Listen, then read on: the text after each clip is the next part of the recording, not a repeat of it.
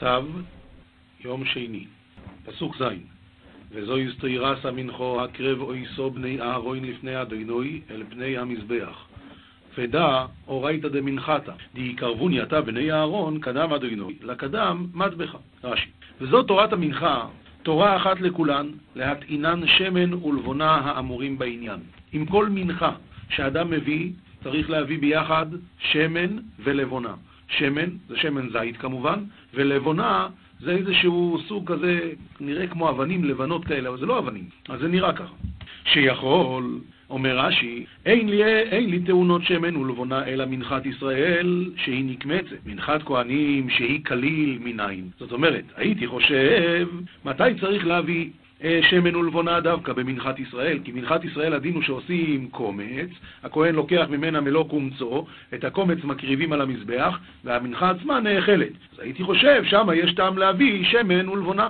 אבל מנחת כהנים שהיא כליל, מניין, הרי מנחת כהנים לא נקמצת, כולה עולה למזבח, אף אחד לא אוכל את זה. אז מניין שצריך שמן ולבונה. אומר רש"י תלמוד לומר, תורת, שכל המנחות יש להם את אותו הדין. ממשיך הלאה רש"י, זאת תורת המנחה, הקרב אותה בני אהרון לפני השם. הקרב אותה היא הגשה בקרן דרומית מערבית. דרומית מערבית, זאת אומרת בצד של הכבש, בצד של בית המקדש. זאת אומרת, דרומית מערבית. בצד של הכבש, כי הכבש הוא בדרום, בצד של בית המקדש, כי בית המקדש הוא במערב, לעומת הצד השני, הכניסה לבית היא מצד, מצד אה, מזרח. לפני השם הוא מערב, שהוא לצד אוהל מועד.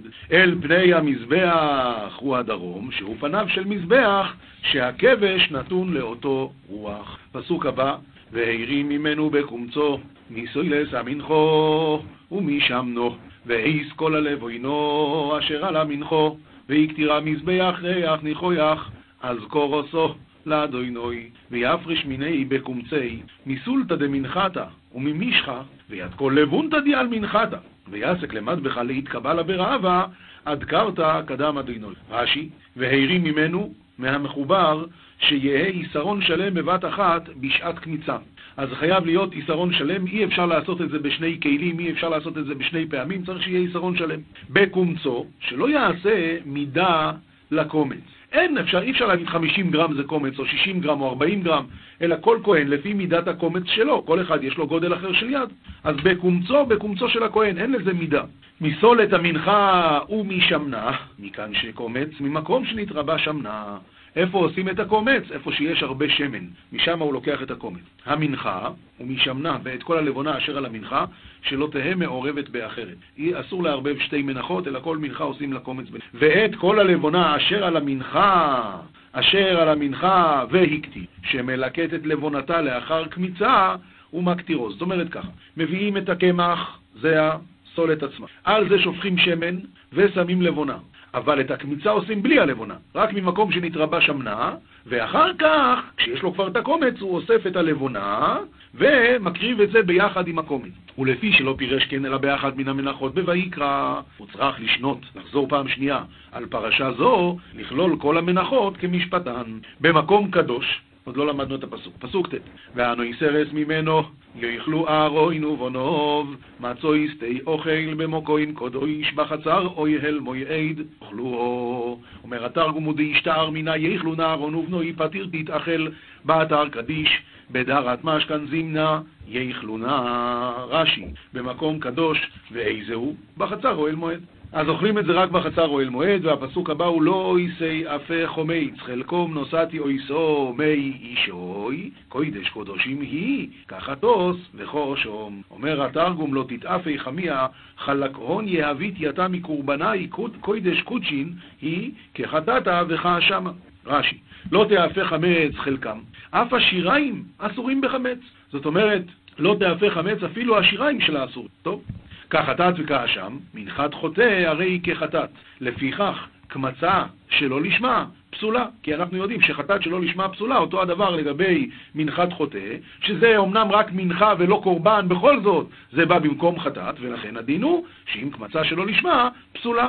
מנחת נדבה הרי היא כאשם, לפיכך קמצה שלא לשמה, הדין הוא שהיא כשרה. עד כאן הפסוקים של התורה להיום. עכשיו, בנביא, אנחנו ממשיכים את ההפטרה, שאתמול דיברנו לגבי זה שהשם אומר, אל תביאו לי עולות, לפחות תעשו שלמים, תאכלו בשר, חבל על הבשר שאתם מקריבים סתם. מה הבעיה? הבעיה היא שאני לא ביקשתי קורבנות, אני ביקשתי שתהיו עבדים שלי, ואתם במקום זה עושים מה שאתם רוצים, ובסוף זורקים איזה קורבן, אני לא רוצה את הקורבנות האלה. ועכשיו הוא ממשיך להוכיח את ישראל, ודיברת עליהם את כל הדברים האלה ולא ישמעו אליך, וקראת עליהם ולא יענוך. ואמרת עליהם זה הגוי אשר לא שמעו בקול אדוני אלוהיו, ולא לקחו מוסר, אבדה האמונה ונכרתה מפיהם, גוזי נזרך והשליחי, ושאי על שפעים קינה, כי מעש אדוני ויטוש את דור עברתו. היי, אומר הנובי, גוזי נזרך, מה זה גוזי נזרך? או שנאמר כפשוטו, זה השיער, לגזוז, למה? כי דרך האנשים שמצטערים, תולשים את השיער, ככה את צריכה, עכשיו בגלל כל העבירות, תתלשי את השערות מרוב צער. אפשרות שנייה, אומר רש"י, מה זה גוזי נזרך? נזר זה גם כתר. גוזי נזרך, תורידי את הכתר. אתם עם ישראל?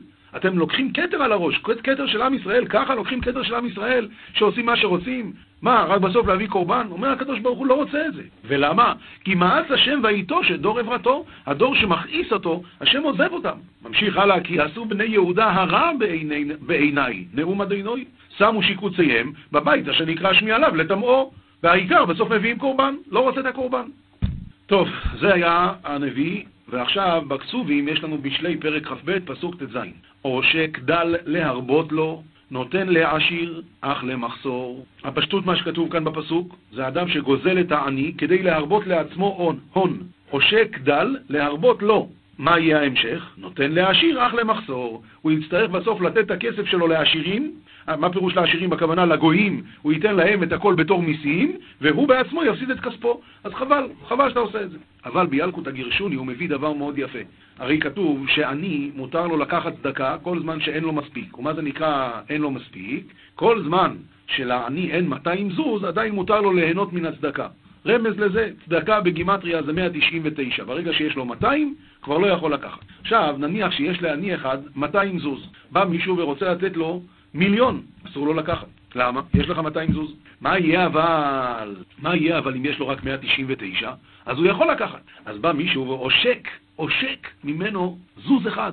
למה הוא עושק? לטובתו, שיהיה לו רק 199 והוא יוכל לקבל את המיליון. יש אפשרות אחרת. ההוא יש לו 199, מישהו בא לתת לו מיליון, הולך איזה אחד כזה נאחס, ולוקח ונותן לו רק זוז אחד, שיהיה לו 200 ולא יוכל לקבל את המיליון.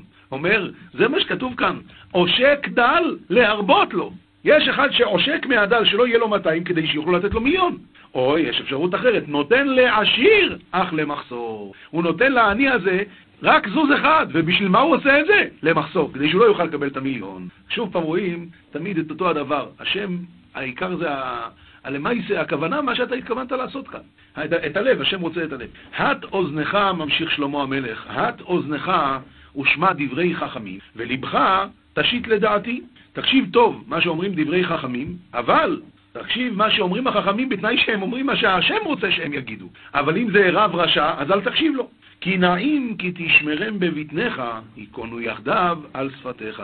יהיה לך מאוד טוב אם אתה תשמור בבטן שלך את דברי התורה, שלא תשכח אותם, ייכונו יחדיו על שפתיך. איך אתה תזכור? על ידי שתוציא את זה בפה. רק ככה זוכרים דברי תורה. להיות באדוני מבטחיך, הודעתיך היום, אף אתה. אני אומר לך, כדאי לך לשים את ביטחונך בהשם, ולא תגיד, רגע, ואיך יהיה, איך אני אתפרנס, מה יהיה, מה מו... תסמוך על הקדוש ברוך הוא, אבל באמת אבל, תסמוך על הקדוש ברוך הוא, אז יהיה בסדר. אומרים שפעם רבי ישראל סלנטר אמר דרשה שלמה על עניין של ביטחון. הוא אמר שאם אדם באמת בוטח, אז בטוח שהשם ייתן לו. היה שם איזה אחד ששמע את הדברים, אמר, בשביל מה צריך ללכת לעבודה? אני בוטח בהשם, וגמרנו. הלך הביתה, אמר לאשתו, נגמר, לא הולך לעבודה יותר, מספיק. היה יושב כל היום בבית הכנסת, אומר תהילים. אחרי שבועיים באה אשתו, אין בבית מה לאכול. אמר, לא מעניין אותי כלום, אני סומך על השם, השם ייתן לי. עבר עוד שבוע, לא זז כלום, אז הוא בא לרב ישראל סלנטר. אמר לו, רב ישראל, מה, מה אתה מצפה שיקרה? אז הוא אומר, מה פירוש? הרב אמר שאם אני אבטח בהשם, אז הוא יהיה, נו. אמר לו, ואתה בוטח? אמר לו, כן. מה אתה בוטח? שאם השם ירצה לתת לך עשרת אלפים דולר, אז יהיה לך? אמר לו, כן, בטח, אני בוטח. אתה בוטח באמת? באמת. אמר לו, טוב, אם אתה בוטח באמת, אתה לא צריך ללכת לעבודה. תשאר להגיד תהילים. עברו עוד שלושה ימים, בא אליו רבי ישראל סלנטר, אומר, תקשיב, אה, הזדמן לי במקרה 5,000 דולר, אולי אתה רוצה להחליף איתי, אני אתן לך עכשיו 5,000 דולר מזומן, ואתה בעד הביטחון שלך, שבטוח יגיע לך 10,000, אז כשיגיע לך תתן לי. אמר לו, כן. אמר לו, רבי ישראל, אם ככה אתה לא בוטח, אם ככה אתה לא בוטח, אם ככה אתה... מי מחליף עשרת אלפים בחמשת אלפים? אתה לא בוטח, אז אם אתה לא בוטח, תלך לעבודה שלך. להיות באדוני מבטחך, הודעתיך היום אף אתה. אומר רש"י, אני מודיע לך שתבטח בהשם ותעסוק בה. המשנה היא מסכת עירובין, פרק א', הדין הוא כך. בעצם, רשות הרבים צריכה להיות את זין אמה רוחב, ושיעברו בה 600 אלף איש כל יום, כך צריך להיות הדין של רשות הרבים. מה הדין רשות שהיא מוקפת משלוש ברוכותיה? בעצם זה רשות היחיד. אבל, הואיל והיא פתוחה לרשות הרבים, זה נקרא מבוי, ופחדו חז"ל שמא האדם לא ישים לב שהוא עובר מהמבוי לרשות הרבים, ואז הוא יבוא לטלטל. לכן אמרו חז"ל, אסור לטלטל במבוי, אסור. אלא אם כן, יעשו לו קורה, קורה זאת אומרת קורה שתעמוד מהקצה של המבוי עד הקצה של המבוי, או לחי. לחי זה כזה מין עמוד קטן שיעמוד בצד, וזה יהיה תזכורת לאנשים שעד פה זה נקרא מבוי, ומכאן אסור לטלטל. עכשיו, באה המשנה ואומרת ככה, מבוי שהוא גבוה למעלה מ-20 אמה, מה הדין? ימעט. אם הוא שם את הקורה, המבוי הוא מאוד גבוה, אז הוא שם את הקורה גבוה, לא טוב. למה זה צריך להיות היכר? ואם זה כבר גבוה יותר מ-20 אמה, זה לא ניכר. לכן, ימעט, להוריד, להוריד. רבי יהודה אומר, אינו צריך, ואין הלכה כרבי יהודה. כי רבי יהודה טוען שאפילו למעלה מ-20 אמה, העין כן שמה לב לזה, אבל אין הלכה כמותו. והרחב מ-10 אמות, ימעט. כאן לימדו אותנו עוד הלכה. עד 10 אמות, אז הפתח הזה נקרא, הפתח של המבוי נקרא פתח. יותר מ-10 אמות זה פרצה, ופרצה אי אפשר לערב. אז לכן, אם רחב מעשר אמות, ימעט להקטין את הפרצה, ואז אפשר לעשות את הלחי או את, ה, את הלחי או את ה... את ה... נו, איך זה נקרא? את הקורה. ואם יש לו צורת הפתח, אף על פי שהוא רחב מעשר אמות, אין צריך למעט. אם יש לו צורת הפתח, זאת אומרת, עשינו פה ממש צורה של פתח, כזה, אז הדין הוא שאפילו אם זה רחב מעשר אמות, אין צריך למעט, כי צורת הפתח חוסמת אפילו פרט. משנה ב' הכשר מבוי, בית שמאי אומרים לחי וקורה. צריך גם לחי וגם קורה. ובית הלל אומרים לחי או קורה, לא צריך את שניהם. רבי אליעזר אומר לך יין. לך יין, זאת אומרת צריך שניים. לחי מצד זה ולחי מצד זה. עכשיו, משום רבי שמואל אמר, אמר תלמיד אחד לפני רבי עקיבא, לא נחלקו בית שמאי ובית הלל על מבוי שהוא פחות מארבע אמות, שהוא ניתר או בלחי או בקורה. אם זה פחות מארבע אמות, אין בעיה. על מה נחלקו? על רחב מארבע אמות ועד עשר אמות. שוב אני מזכיר, אמרנו עשר אמות זה עדיין פתח, יותר מעשר אמות זה כבר פרצה. פחות מארבע אמות לכולי עלמי מתאים או לחי או קורה. אז איפה המחלוקת? מ-400 עד 10 אמות, שעל זה בית שמאי אומרים לחי וקורה, ובית הלל אומרים או לחי או קורה. אמר רבי עקיבא, על זה ועל זה נחלקו. משנה ג' הקורה שאמרו, מה צריכה להיות קורה? רוחב. איזה רוחב? מה עובי? אנחנו כל זה נצטרך לברר. אז כאן המשנה דנה ככה. הקורה שאמרו, רחבה כדי לקבל אריח, והאריח חצי לבינה של שלושה טפחים. אז כמה זה? טפח וחצי. דיה לקורה שתהא רחבה טפח כדי לקבל אריח לאורכו. אז בעצם אמרו לנו סופית שהקורה, הרוחב שלה, צריך להיות טפח אחד. טפח אחד כדי שאותה, אה, כדי שאותה, אותו אריח, חצי אריח, שיתקבל לאורך, לאורך שלו על פני הקורה, ואז ממילא זה לא ייפול. עכשיו, השאלה היא מה הדין לגבי העובי. רוחב אמרת לי, האם גם העובי צריך להיות כדי לקבל אריח, כלומר שזה יהיה קרש חזק, בריא, או שלא צריך. אומרת המשנה, רחבה כדי לקבל אריח, ובריאה כדי לקבל אריח. גם הרוחב וגם החוזק. רבי יהודה אומר, רחבה אף על פי שאינה בריאה. משנה ה' הייתה של קש או של קנים, רואים אותה כאילו היא של מתכת. זאת אומרת, לא אכפת לי בכלל העניין הזה של העובי. עקומה, רואים אותה כאילו היא פשוטה, כאילו היא ישרה. עגולה, רואים אותה כאילו היא מרובעת. אם יש לי כזה מין אה, צינור, אז זה עגול. רואים אותה כאילו היא מרובעת. איך עושים את זה? כל שיש בהיקפו שלושה טפחים, יש בו רוחב טפח. מי שקצת מכיר את המתמטיקה, יש דבר שנקרא פאי. כאן זה המקור של הפאי. כאן כתוב, כל שיש בהיקפו שלושה טפחים, יש בו רוחב טפח. אבל, כבר ברמב"ם כתוב שזה לא נכון, זאת אומרת, זה לא מדויק. מה שהמשנה נקטה פה, היא נקטה מספרים שלימים. אבל למה? כי הפאי הוא אף פעם לא מספר שלם. אז ממילא אמרו, זה אחד מול שלוש. אבל האמת היא, כל שיש בהיקפו שלושה טפחים, יש בו רוחב טפח, זה לא ממש מדויק, והרמב"ם כבר אומר שהכוונה, כמו שמפורסם בעולם, אה, הפאי. ברבינו עובדיה מברטנורה כתוב ככה, כל שיש בהקיפה שלושה טפחים, שצריכה חוט שלושה טפחים להיקפה סביב, בידוע שיש בה רוחב טפח אם תחלק. שכן מצינו בים שעשה שלמה, עשר באמה משפתו אל שפתו עגול סביב, וקו שלושים באמה יסוב אותו סביב. עלמא לכל אמה רוחב בעיגול, איכא שלושה, שלוש אמות היקף. הלאה, לחיים שאמרו, מה זה הלחי? אמרנו לחי עומד בצד של, ה, של המבוי. לחיים שאמרו, גובהן עשרה טפחים, ורוחבן ועוביין כלשהו. העיקר הגובה, עשרה טפחים. רבי יוסי אומר לו, גם צריך רוחב שלושה טפחים, ואין הלכה כרבי יוסי. משנה ז' בכל עושים לחיים. ממה זה צריך להיות? התשובה היא מכל דבר, אפילו בדבר שיש בו רוח חיים, כך בהמה, בסדר, זה יכול להיות לחי, רק בתנאי אחד, שהיא לא תברח מפה באמצע השבת. אז צריכה להיות קשורה. רבי יוסי אוסר, כי רבי יוסי אומר, ומה יהיה אם היא תמות בשבת? אז היא תיפול, והיא תהיה פחות מעשרה טפחים. או עכשיו עוד דבר, אומר רבי יוסי, הוא מטמא משום גולל. גולל זה הכיסוי ששמים על ארון מתים. אדם שנוגע בזה נטמע. אם שמו בהמה שיש בה רוח חיים בתור גולל, בתור כיסוי לארון מתים, הדין הוא שמי שנוגע בזה נטמע. ורבי מאיר מטהר, כי יש בה רוח חיים. וכותבים עליו גיטי נשים. על מי? על הקרן של הפר אפשר לכתוב גיטי נשים. ורבי יוסי הגלילי פוסל. למה? כתוב, וכתב לספר כריתות ונתן בידה. לומדים מפה, מי שחסר רק נתינה, אבל אם זה על קרן, אז זה חסר גם קציצה, כי אני צריך לקצוץ את הקרן, לכן זה לא בסדר. איי, אז למה רבי מאיר, אז למה בתנא קמא כתוב וכותבים עליו גיטי נשים? התשובה היא כי יכול לתת לה את כל הבהמה, הוא לא צריך לקצוץ את הקרן. ייתן לה את הבהמה ועל הקרן כתוב הגט. משנה ח' שיירה שחנתה בבקעה, והקיפוה בכלי בהמה ועשו ככה היקף שלם מכלי בהמה. עכשיו, אין כמה כלי בהמה יש להם, אז עשו הקפה, אבל זה לא באמת לכל האורך. יש שם מקומות שאין כלום. אז הדינו מטלטלין בתוכה. מטלטלין בתוכה, ובלבד שיהא גדר גבוה עשרה טפחים, ולא יהיו פרצות יתירות על הבניין. כלומר, הבניין הכוונה איפה שיש לי משהו, ואיפה, מה זה פרצה? איפה שאין. שלא יהיה פרוץ יותר מהעומד.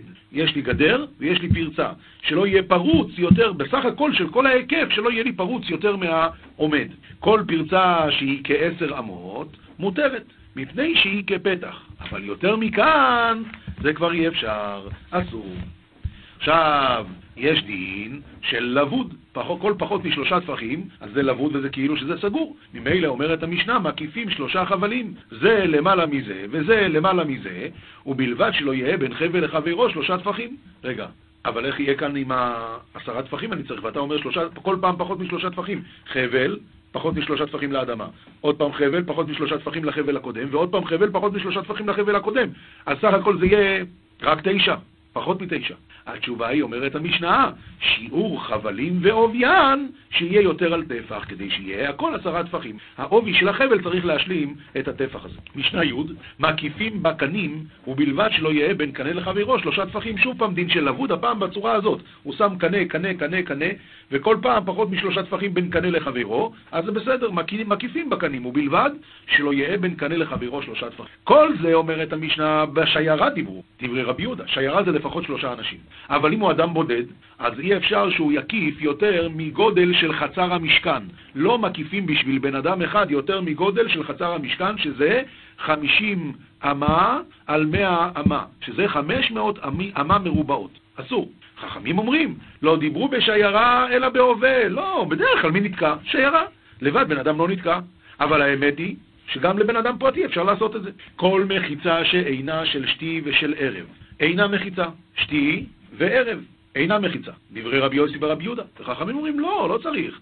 אחד משני הדברים, או קנה, קנה, קנה לבוד, או שלוש חוטים לבוד, אבל לא צריך גם את זה וגם את זה. ארבעה דברים פתרו במחנה. מה זה במחנה? כשיצאו למלחמה, אפילו מלחמת רשות, אז הדין הוא שיש ארבעה דברים שבדרך כלל כן חייבים, והפעם פתרו. מה? א', מביאים עצים מכל מקום. מותר לקחת עצים להשתמש. לא חוששים לגזל. הגמרא עוד מעט תסביר מה החידוש כאן. דבר שני, פטורים מרחיצת ידיים. הכוונה דווקא, הגמרא תסביר, דווקא פטורים ממים ראשונים, אבל לא ממים אחרונים. דבר שלישי, נדמי. בצבא, כשיוצאים למלחמה, התירו לאכול דמי. ודבר אחרון, מלערב. כלומר, עירובי חצרות לא צריך. אבל את המבוא כן, אבל לא, לא צריך עירובי חצרות. אחרי שיש לי חצר שהיא שייכת לכמה אנשים, אף על פי שהיא מוקפת, אנחנו עושים עירובי חצרות הרי, נכון? כי אחרת אסור להוציא מבית אחד לבית שני או מבית לחצר. אבל בצבא, בזמן מלחמה, פתרו. עכשיו אומרת הגמרא על, על, על הסיפה של המשניות האלה, מה שדיברנו עכשיו, על ארבעה דברים. תנו רבונון, מחנה היוצאת למלחמת הרשות, אפילו למלחמת הרשות. הדין הוא שמותרים בגזל עצים, יבשים, וכל שכן לחים. ביבשים זה יותר חידוש, כי בן אדם טרח, הוא קצץ אותם וייבש אותם, ואפילו אחי התירו. רבי יהודה בן תימה אומר, אף חונים בכל מקום, מותר להם לחנות איפה שהם רוצים. ובמקום שנהרגו, שם נקברים. אם חס וחלילה נהרג מישהו, קוברים אותו במקום. עכשיו, מותרים בגזל עצים יבשים. שואלת הגמרא, היי, תקנת דיהושע הווה. זה לא תקנה חדשה של עכשיו, זה יהושע בן נון, כשכבש את הארץ עשה איזה תנאי. דעומר מר, עשרה תנאים מתנאי יהושע, שיהיו מרעין בחורשין, ומלקטים עצים משדותיהן. נו, אז כתוב בתקנת יהושע את זה, אז מה אתה מחדש פה? עונה הגמרא, הטם בהיזמי והיגי. מה שיהושע תיקן, תיקן רק על קוצים. אבל הכה התירו גם בשאר עצים. אינמי, הטם במחוברים. הכה בתלושים. מה שיהושע בן נון התיר זה דווקא בעצים מחוברים. כאן אמרו לנו שאפילו בתלושים. אינמי, הטם בלחין. והכה ביבשים. שם מדובר בעצים, מה שיהושע התיר, זה עצים לחים, אבל עצים יבשים לא, וכאן אמרו שאפילו יבשים. רבי יהודה בן תימה אומר, אף חונים בכל מקום, ובמקום שנהרגים, שם נקברים. שואלת הגמרא, בטח, פשיטא. הרי מת מצווה, ובמת מצווה קנה מקומו. עכשיו צריכים להבין, מה זה נקרא מת מצווה?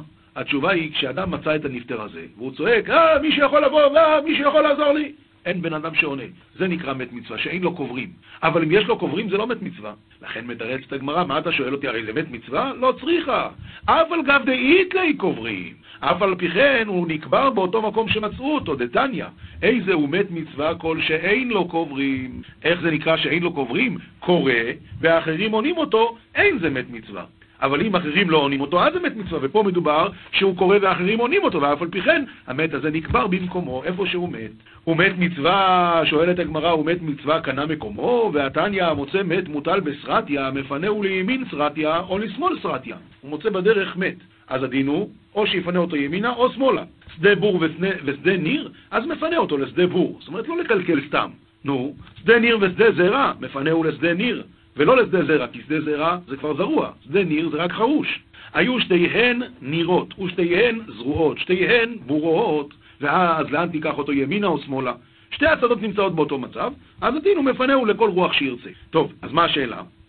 אז השאלה, מי אמר לך שמת מצווה קנה מקומו? הרי כאן כתוב שלא קנה מקומו, אלא מזיזים אותו או ימינה או שמאלה. עונה הגמרא, אומר רב ביבי יחא באמת מוטל על המיצר עסקינן. כלומר, אם יש לי כאן דרך, כך הולכת דרך, והמת הזה שוכב לרוחב. אז אני מוכרח לפנות אותו ימינה או שמאלה. אני לא יכול להרשות שיהיה דרך שכל מי שעובר שם נטמע. בזמן שאנחנו היינו שומרים על טהרות, בזמן הבית. לא שייך, זה לא שייך. אז ממילא כבר לוקחים או ימינה או שמאלה, והדברים האלה נאמר שייקח אותו לשדה ניר, לשדה בור, לשדה חרוש וכולי וכולי. אומרת הגמרא, אומר רב ביבי יחא, באמת מוטל על המיצר עסקינן.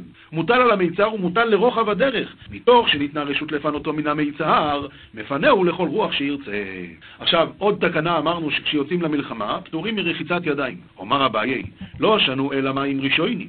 כלומר לפני האוכל, אבל מים אחרונים? חובה. למה? סכנה. עומר רב חייא בר אשי, מפני מה אמרו מים אחרונים חובה? מפני שמלח סדומית יש, שמסמא את העיניים. עומר אביי, ומשתכחה כקורתא בקורא.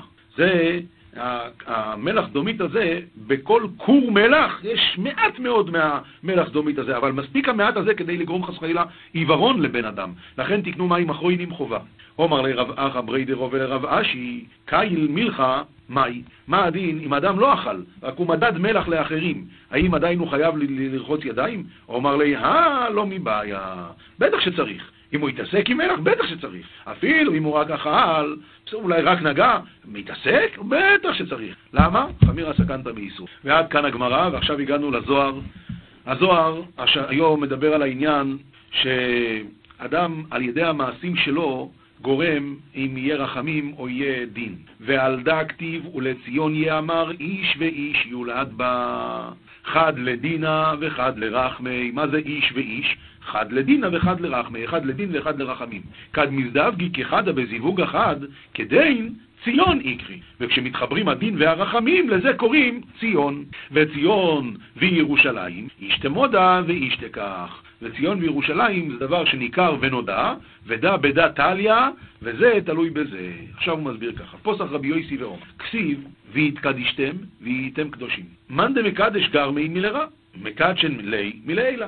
אם אדם מקדש את עצמו מלמטה, אז מורידים לו עוד קדושה מלמעלה, מוסיפים לו קדושה מן השמיים. מאן דמסאיב גרמיה מלרע, מסאבין לי מלעילה. אדם שעושה טומאה מלמטה, אז נותנים לו טומאה גם מן השמיים.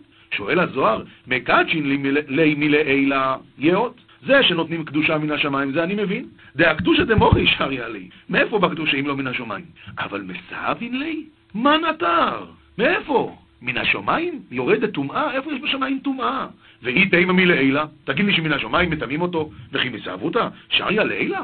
יש דבר כזה? אומר רבי חייא, היינו דתנינן בעובדא דלתתא איתאר עובדא דלעילה. כאן אנחנו רואים שעל ידי המעשים שאדם עושה למטה, הוא מעורר את אותו הדבר מלמעלה. היא עובדא דלתתא היא בקדושה. אם המעשים שלו מלמטה הם בקדושה, אז איתאר קדושה לעילה. ואתי בשאר יעלי, ויתקדש בי.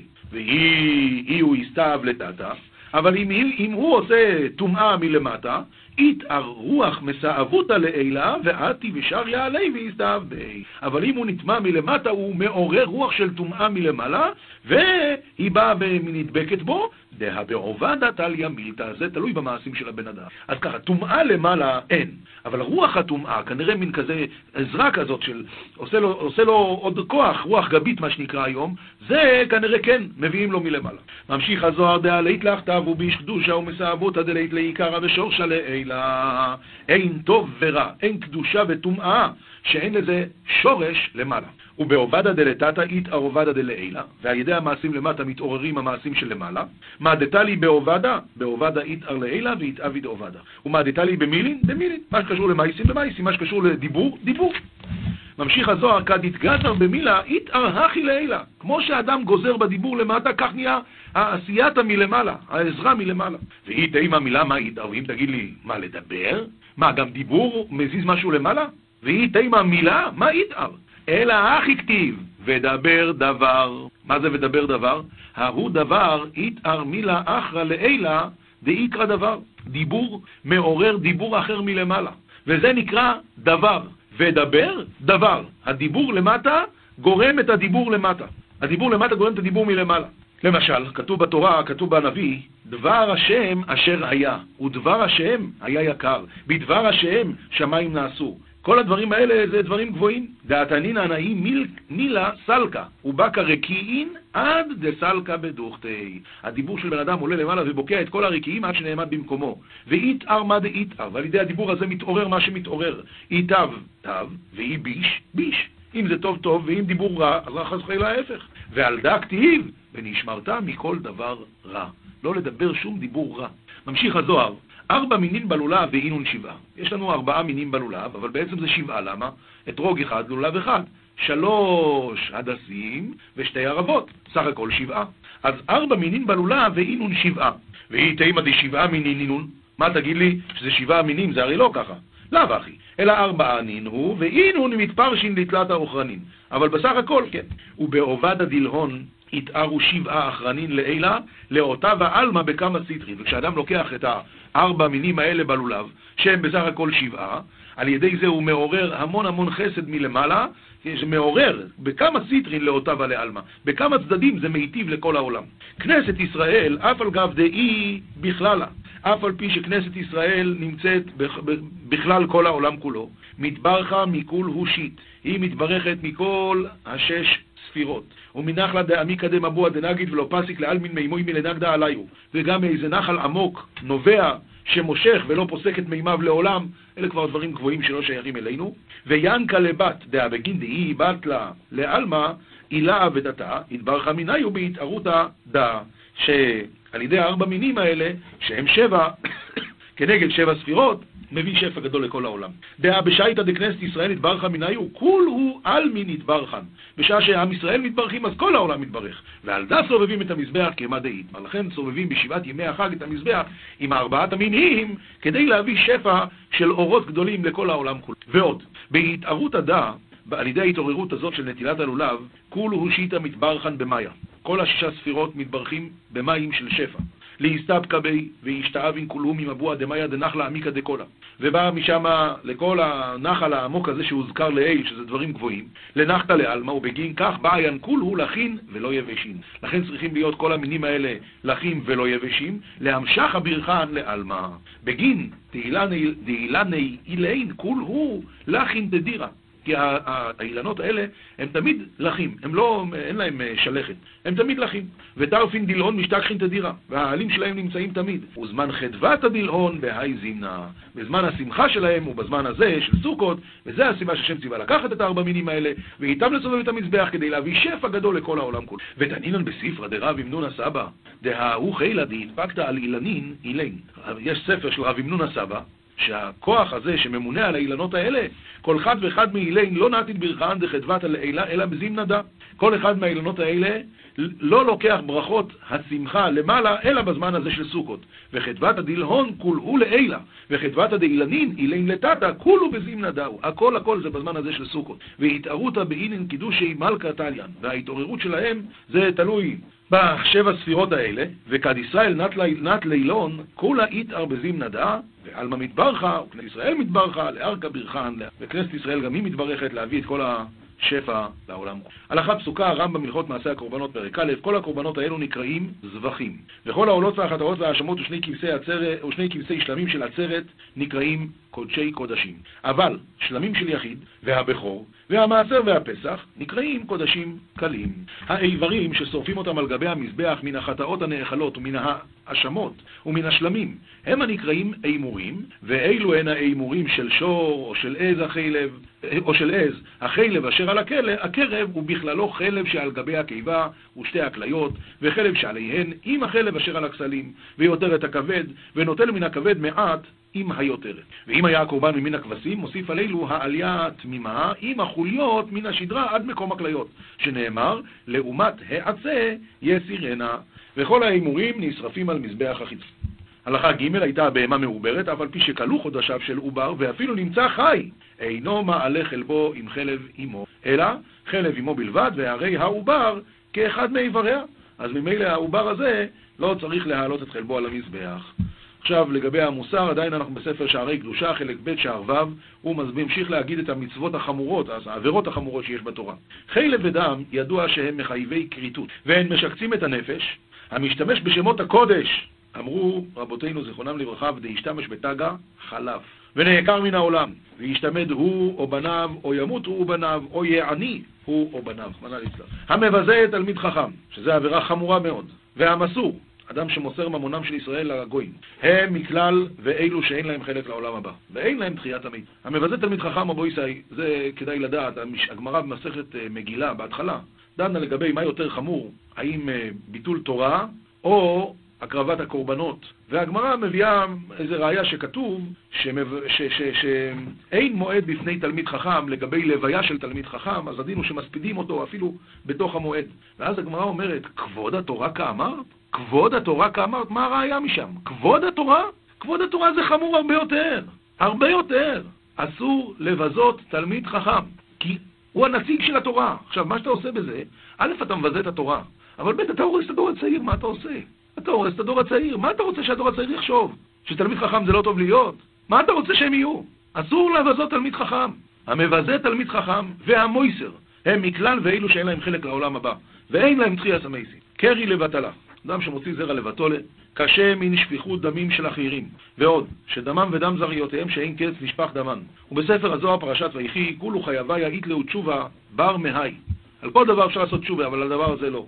בכל עבירות הקטון פטור חוץ מזה, שהרי ער ועונן קטנים מבני שבע שנים היו, ומתו בידי שמיים, ולא עוד, אלא שעדיין לא נצטוו עליהם, ובכל זאת הם מתו. וכן דור המבול כתיב כי השחית כל בשר את דרכו על הארץ, וכל הבריות נימוכו, מאדם ועד בהמה, ועוף השמיים, בכל הרמס, אפילו שלושה טפחים מן העפר נימוכו, מה שלא היה כן מאז נברא העולם ואחריו לא יהיה כן. ולא עוד, אלא שלא נצטוו זולת משבע מצוות, ובכל זאת, הקדוש ברוך הוא כל כך החמיר עליהם, כי העבירה הזאת של הוצאה הזרע לבטולה, חמורה מאוד מאוד, כך אומר השערי קדושה, ועד כאן לשיעור של היום.